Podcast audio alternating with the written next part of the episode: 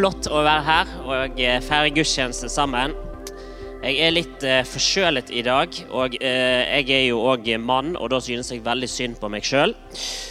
Og uh, det var helt til jeg så den gjengen bak i hjørnet der. Så tenkte jeg jeg har det så godt. Yes. Men da er du iallfall advart hvis det blir litt hosting fra scenen her. Så får du bare ta det som sånne korte pauser til å reflektere litt over det jeg sier. ikke sant?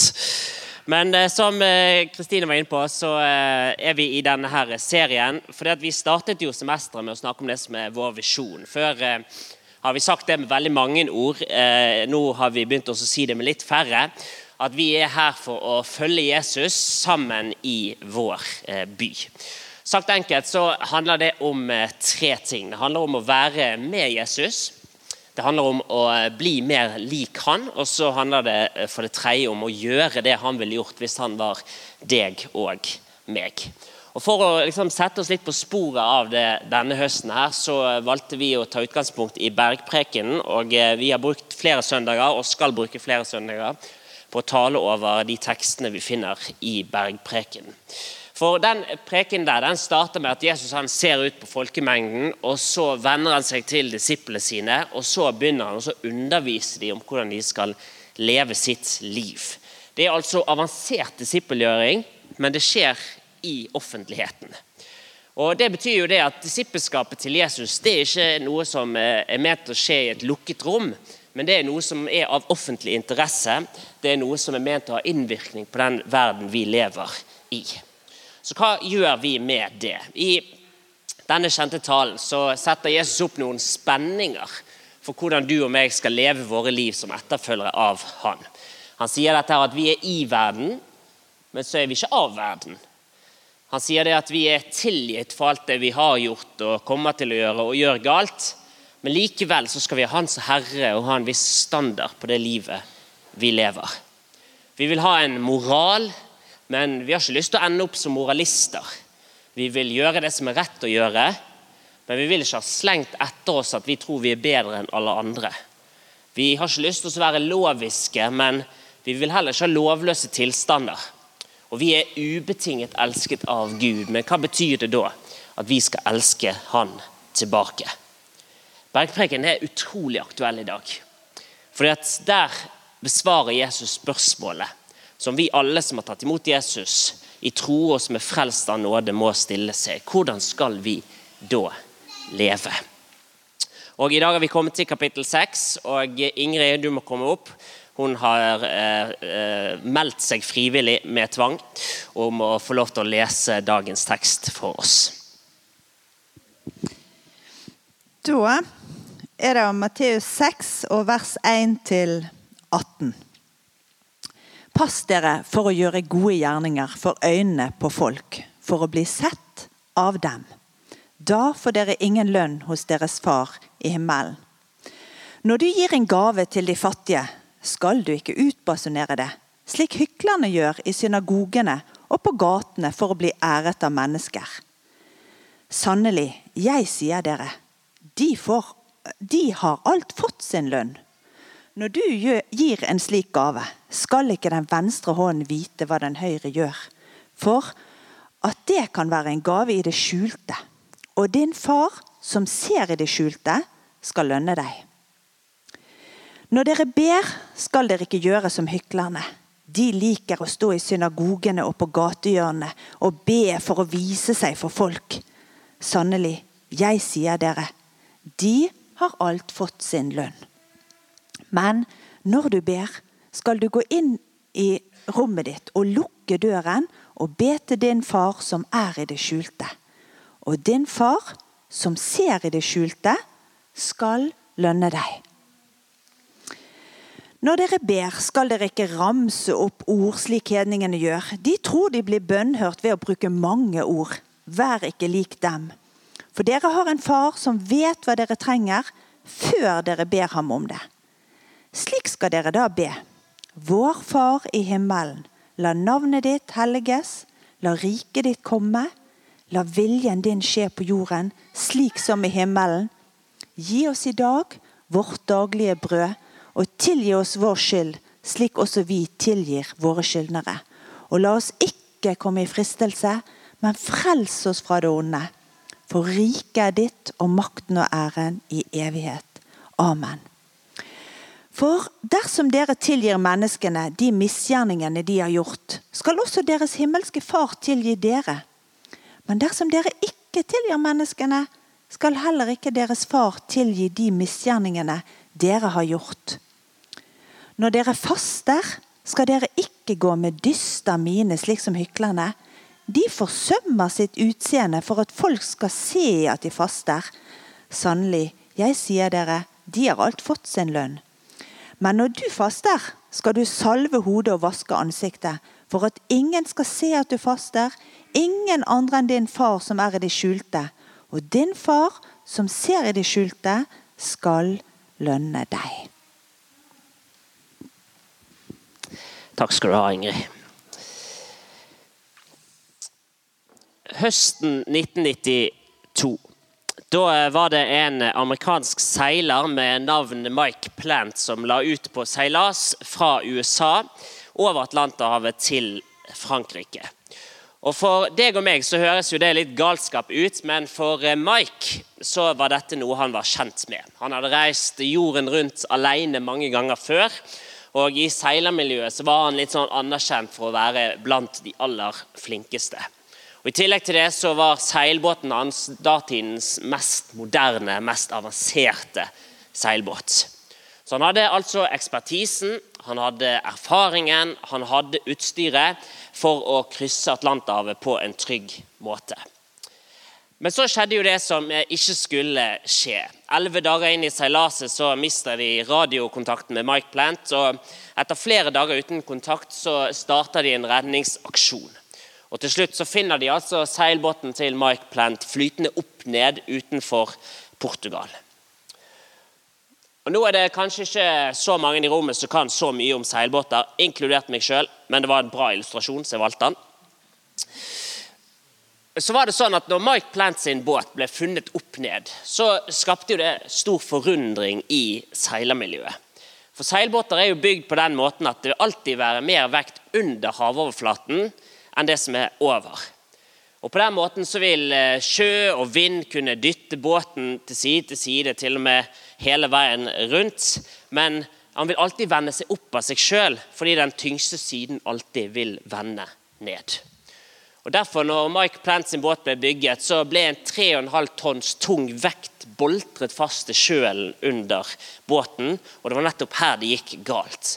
For av en eller annen grunn som er ukjent til den dag i dag, så løsnet denne her vekten fra sjøen. Og dermed ble båtens stabilitet ødelagt, og den kantret. Og Resultatet var at denne høyt aktede og erfarne seileren mistet livet på sjøen. Skal vi forstå og anvende Bibelens tekster inn i vår tid i dag, så trenger vi også stå med ett bein i to verdener. Vi må forstå både hva betydde denne teksten for de som den var skrevet til, og vi må forstå hva betyr det inn i vår verden i dag. Og Utfordringene kommer som oftest når vi har begge føttene i én av to verdener. Når vi leser eh, eh, med begge føttene i vår verden, ja, så eh, ender vi ofte opp med å tilpasse og forme Bibelens budskap til hva som passer til enhver tid i enhver kulturell kontekst. Men leser vi Bibelen med begge føtter i deres verden, ja, da står vi i fare for å forhøye ting som egentlig bare var kulturelle normer. Er en status som er langt høyere enn det egentlig var tenkt å være.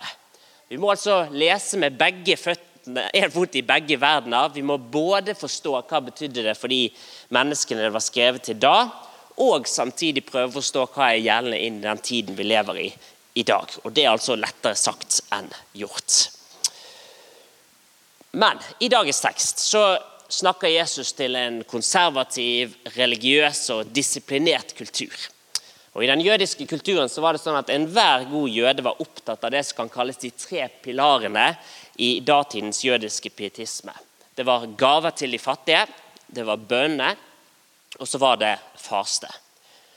Og faktisk så var det så opplagt at eh, Når Jesus skriver eller snakker om disse praksisene, så antar han bare at det er noe alle sammen gjør.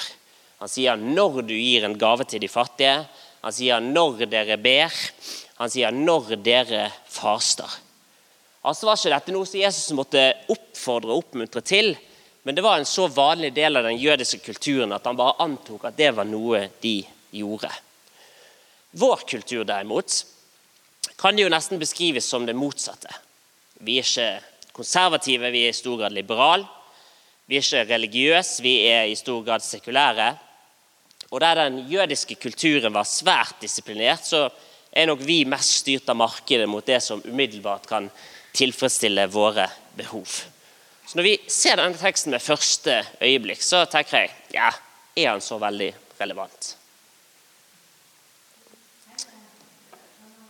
Men leser vi teksten nøye, ja, så legger vi merke til noe med datidens jødiske kultur som på mange måter er veldig likt vår kultur i dag.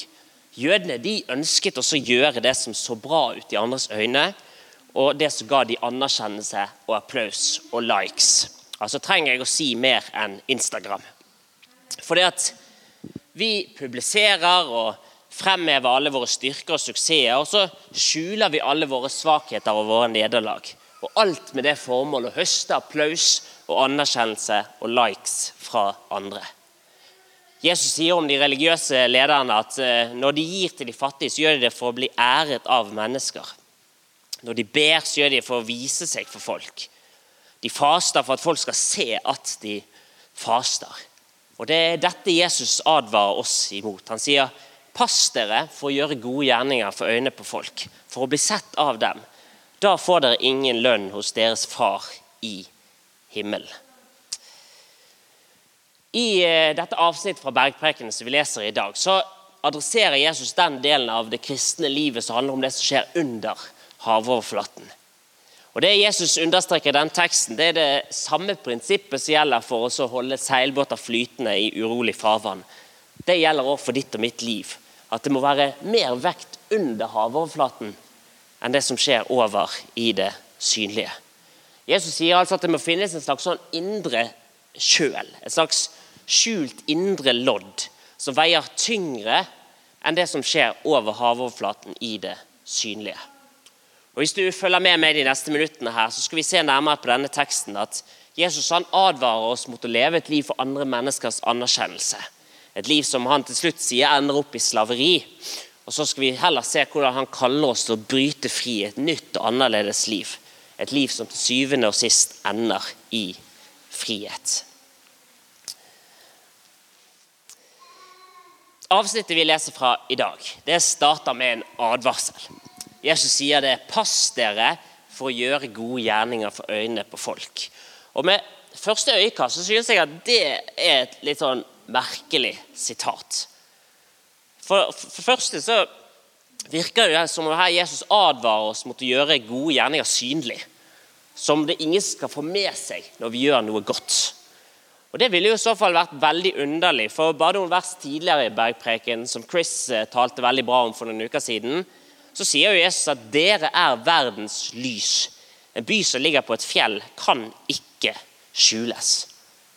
Så hvis det ikke skal være synlig, så er jo det litt rart. For det andre så kan det jo være underlig, for det virker jo litt som om Jesus egentlig synes oss gode gjerninger er dårlige gjerninger. At vi burde ikke gjøre de. Og Det vil jo være veldig underlig. for Når vi leser teksten, så virker gode gjerninger for Jesus å være en selvfølge i livet til alle som tror. Han sier som vi var inne på tidligere, at når du gir en gave til de fattige, når dere ber, når dere faster Han sier ikke 'hvis du gir en gave til de fattige', eller 'hvis du ber', eller 'hvis du faster'. Altså er gode gjerninger noe som Jesus antar hos sine disipler. Og Leser vi Paulus sine brev i Det nye testamentet, så finner vi det samme. og Jakob han drar det kanskje lengst. Han skriver det at hvis du ikke har gode gjerninger, så bør du være bekymret for tilstanden til din tro. Han sier det sånn, Sett at en eh, bror eller søster ikke har klær og mangler mat for dagen, og en av dere sier til dem Gå i fred, hold dere varme, spis dere mette. Hva hjelper det dere eh, eh, det dersom dere ikke gir dem det kroppen trenger? Slik er det også med troen. I seg selv uten gjerninger er den død. Men likevel da, så virker det som opp gjennom kirkens historie at vi har vært litt sånn opptatt av å advare folk mot gode gjerninger. Vi sier sånne ting at det handler ikke om gjerninger, men det handler om nåde. Og På mange måter handler det kanskje om en litt sånn overreaksjon til eh, katolisismen, som var litt på avveie en stund, og som fikk sin motreaksjon i reformasjonen på 1500-tallet. Luther og reformatorene de kritiserte helt med rette kirkens praksis med avlatsbrev, der mennesker kunne betale for syndene sine ved å gi penger til kirken fremfor å vende om og tro på Jesus. Og Det er mye som er positivt, og som masse bra kan bli sagt om reformasjonen. og Det var helt uten tvil en nyttig korreksjon. Men på et eller annet sted var det som disse gode gjerningene fikk et sånn ufortjent dårlig rykte. Som de gode gjerningene egentlig er dårlige. I vår tid så sier vi det kanskje sånn at Jesus han er ikke så opptatt av å endre din atferd, men han er opptatt av å endre ditt hjerte. Og Selv om jeg forstår hva man mener med det, så er det nok ikke helt korrekt. For Jesus er veldig opptatt av din og min atferd. Det er bare å lese første del av bergpreken i Matteus 5, så skjønner du at Jesus er veldig opptatt av din og min atferd. Men det er ikke det eneste han er opptatt av. Jesus sier det sånn Pass dere for å gjøre gode gjerninger for øynene på folk for å bli sett av dem. Det greske ordet som brukes her for å bli sett av, det er det greske ordet teaomai, som er roten av det greske ordet teatron, som er det ordet vi henter ordet teater fra. Altså sier Jesus at Vi skal ikke gjøre gode gjerninger for å vise oss frem, for å spille et skuespill, for å late som vi er noe vi ikke er. Men det skal være et samsvar mellom det som skjer her ute, og det som skjer her inne. Altså er Jesus bare opptatt av de gode gjerningene, men han løfter det et hakk høyere. Han er opptatt av din og min motivasjon. For vi står alle sammen i fare for å gjøre de riktige tingene med feil motiver. For eksempel Du vet jo ikke hva som er min motivasjon når jeg står her nå og preker. Forhåpentligvis så er noen av motivene mine gode. Som at jeg ønsker å tjene, jeg ønsker å utruste, jeg har lyst til å være med og bygge denne kirken fordi jeg er glad i Jesus, jeg er glad i dere. Men det trenger ikke være mine eneste motiver. Kanskje står jeg like mye fordi at eh, jeg vil at dere skal bli imponert over meg. Synes at jeg er flink. At han er smart. Han siterer filosofer når han preker. Han har sikkert lest masse bøker. Sant? Eller kanskje kjenner jeg på at jeg har ikke lyst til å skuffe noen. Eller jeg føler at jeg må gjøre dette. Nå er jeg til og med ansatt her. Nå får jeg lønn for å gjøre det, til og med. Da burde jeg jo i alle fall stå her og preke. Jesus kaller oss altså til å reflektere over hvorfor er det vi gjør det vi gjør til å reflektere over hva som er våre motiver. Han sier når du gir en gave til de fattige, så skal ikke du utbasunere det slik hyklerne gjør i synagogene og på gaten for å bli æret av mennesker. De har alt fått sin lønn. Det finnes altså både gode og dårlige motiver for å gjøre det som er rett. Og Et viktig spørsmål som vi trenger å stille oss sjøl, er derfor når jeg gjør gode gjerninger, hva er min motivasjon? Hvem søker jeg ære fra? Eller mer presist hvem får æren av mine gode gjerninger? Den dårlige motivasjonen det er jo det Jesus går til angrep på her. Han kaller disse religiøse lederne for hyklere. Og eh, Ordet som brukes for hykler her, det er det greske ordet hypokrites. Det betyr ganske enkelt en som er en skuespiller. Og eh, Jesus han anklager altså disse lederne for å være skuespillere. De lager et voldsomt spetakkel bare for å bli sett, men det er ikke hvem de egentlig er. Og Jesus han hater hykleri. Jesus han hater det som er falskt. Han hater det som ikke er ekte. Men når du leser teksten, så virker det faktisk ikke å være Jesus sitt fremste problem her. Men hans fremste problem virker heller å være at de har alt fått sin lønn. For når du lever for andre menneskers anerkjennelse, andre menneskers applaus og ære, ja, så får du jo det du vil ha. Men det er òg alt du får. Og det Jesus sier her, at For den som tror, så er det å sette listen altfor lavt. For det finnes så mye mer for deg. Jesus sier at når du gir en slik gave, så skal ikke den venstre hånden vite hva den høyre gjør, for at det kan være en gave i det skjulte. Og din far som ser i det skjulte, skal lønne deg. I eh, Vesten så har vi en høy verdi for altruisme. altså Vi ønsker å gjøre det som er rett fordi det er rett. Men legg merke til at Jesus sier ikke her at vi skal gjøre det som er rett fordi det er rett. Men han sier det, vi skal gjøre det fordi vår far skal lønne oss. På samme måte som skal gi gaver til de fattige, så skriver Jesus om bønn at når du ber, så skal du gå inn i rommet ditt og lukke døren din og be til din far som er i det skjulte. Og din far som ser i det skjulte, skal lønne deg. Og Når Jesus senere snakker om faste, så sier han at når du faster, ja, skal du salve hodet og vaske ansiktet for at ingen skal se at du faster. Ingen andre enn din far som er i det skjulte. Og din far som ser i det skjulte, skal lønne deg. Vi er jo alle sammen født med ønske og lengsel om å bli sett. Jeg vet ikke om du har lagt merke til det, men eh, når et barn gjør eller skal gjøre noe som de er stolt over, altså er det som oftest etterfulgt av ordene 'Se på meg nå'. Se på meg nå, mamma. Pappa, pappa. Se på meg nå. For som barn så søker jo vi etter anerkjennelse fra de som er autoriteter i våre liv. Og Når barn ikke får oppmerksomhet og anerkjennelse, så eh, vokser de opp med å søke den anerkjennelsen andre steder.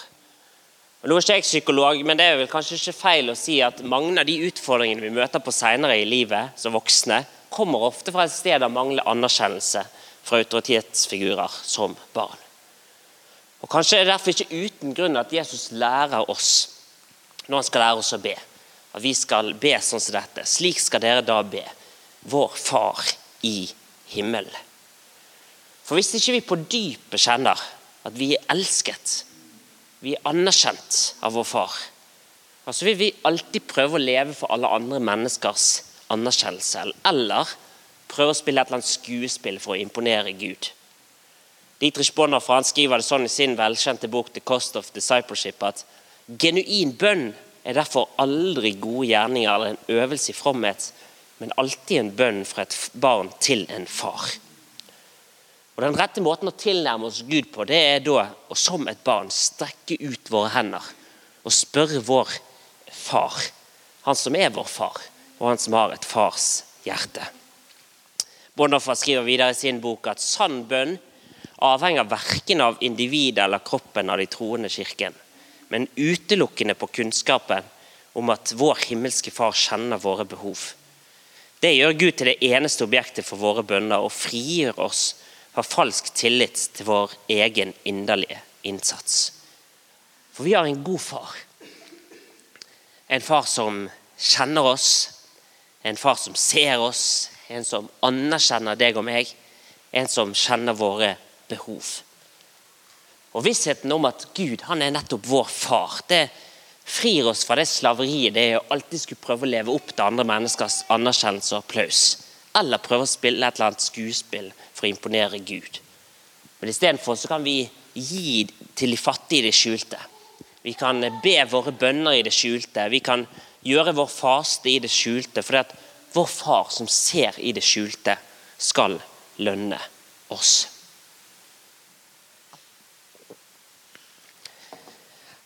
Nå er jo det noen som tenker at dette konseptet om belønning det blir jo litt upassende i en kristen kontekst. For ikke det er egentlig et sånt konsept fra verden.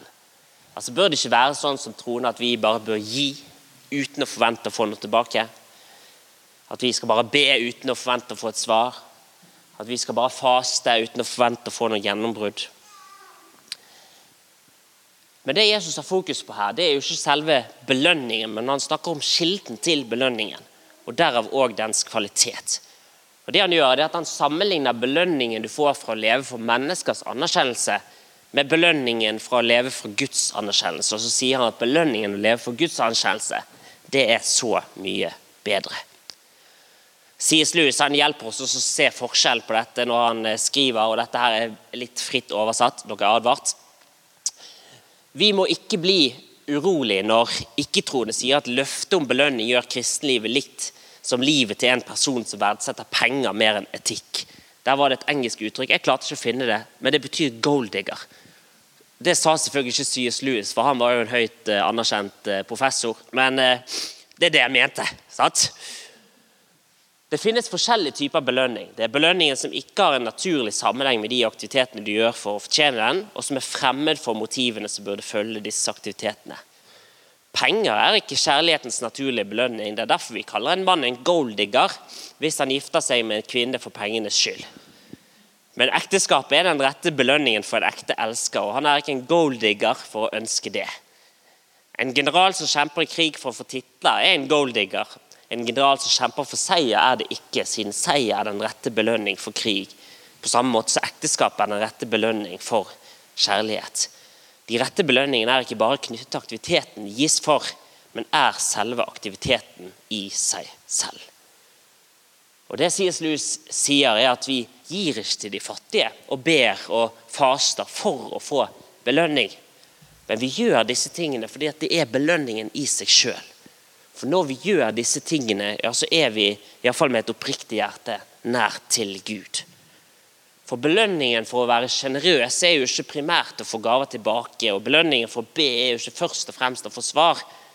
Og belønningen for faste er jo ikke først og fremst å få et gjennombrudd, men belønningen for å gi kjærlighet er relasjonen i seg sjøl. Og Det er nettopp dette Jesus prøver å innprente i deg og meg gjennom denne teksten i dag. At vi kan leve for alle andre menneskers skiftende og flakkende anerkjennelse og applaus. Men den beste anerkjennelsen og den beste applausen vi kan leve for, det er fra den faren som elsker oss, som ser oss, og som anerkjenner oss mer enn vi kan fatte og begripe. Så hvordan kommer vi oss ut av det hamsterhjulet der vi bare løper rundt og rundt og lever for andre menneskers anerkjennelse, og over i den friheten som Jesus her snakker om? Jo, Oppskriften til Jesus er utrolig enkel, men utrolig virksom. Han sier dette. Gjør noe for Gud. I dagens tekst så er eksempelet gaver til de fattige og bønn og faste. Men det kan òg være noe annet. Og så sier han det at Når du gjør dette noe for Gud, ja, så gjør det i det skjulte. Gjør det hemmelig uten at noen andre ser det. Og mens du da gjør det, så bare stans et øyeblikk. Og så reflekterer du og så kan du se for deg Guds ansikt over deg når du gjør dette. Som smiler, som ser deg, som ser alle dine behov og kjenner de, og som elsker deg, og som er stolt av deg. Og Når du gjør det over tid, ja, så vil du erfare det at du gradvis løsrives fra å leve for andre menneskers anerkjennelse og komme over i denne friheten det er å leve for Guds anerkjennelse alene. Så min utfordring til deg og til meg og til oss alle denne uken her, den er veldig enkel. Finn noe du har lyst til å gjøre for Gud. Og når du gjør det, gjør det hemmelig. Ikke fortell det til noen. Ikke sant? Ikke sånn ikke gå og være mentor for en yngre person og så legger du ut på Instagram etterpå. Fantastisk å dele livsvisdom. Sant? Ikke det. Men bare gjør det uten å lage et oppstyr rundt det. Hold det hemmelig. Og mens du gjør den tingen, så kan du i ditt indre bare se for deg Gud. Han som er din far. Han smiler over deg. Han er stolt over deg. Han elsker deg. Og han har velbehag i deg. Mike Plant han mistet livet på sjøen den høstdagen i 1992. For vekten på sjøen løsnet, sånn at vekten under havoverflaten ble mye lettere enn den store stormen over havoverflaten. Og Resultatet var at Mike mistet livet på sjøen denne dagen. Og Skal vi bygge et liv som holder i møte med stormene, med utfordringene som kommer, ja, så trenger vi å bygge mer vekt under havoverflaten, i det skjulte, enn det som er over i det synlige. Og Den vekten som da holder oss flytende i det livet Jesus kaller oss til å leve, det er ikke denne flakkende anerkjennelsen fra mennesker som kommer i dag og er vekke i morgen. Men det som holder oss flytende i livslang etterfølgelse av Jesus, det er den anerkjennelsen som kommer fra vår far. Han som elsker oss, han som ser oss, han som kjenner våre behov, og han som har velbehag i oss. Så la oss leve for et publikum av én. Fordi at eh, han som ser i det skjulte, han vil lønne deg i det skjulte.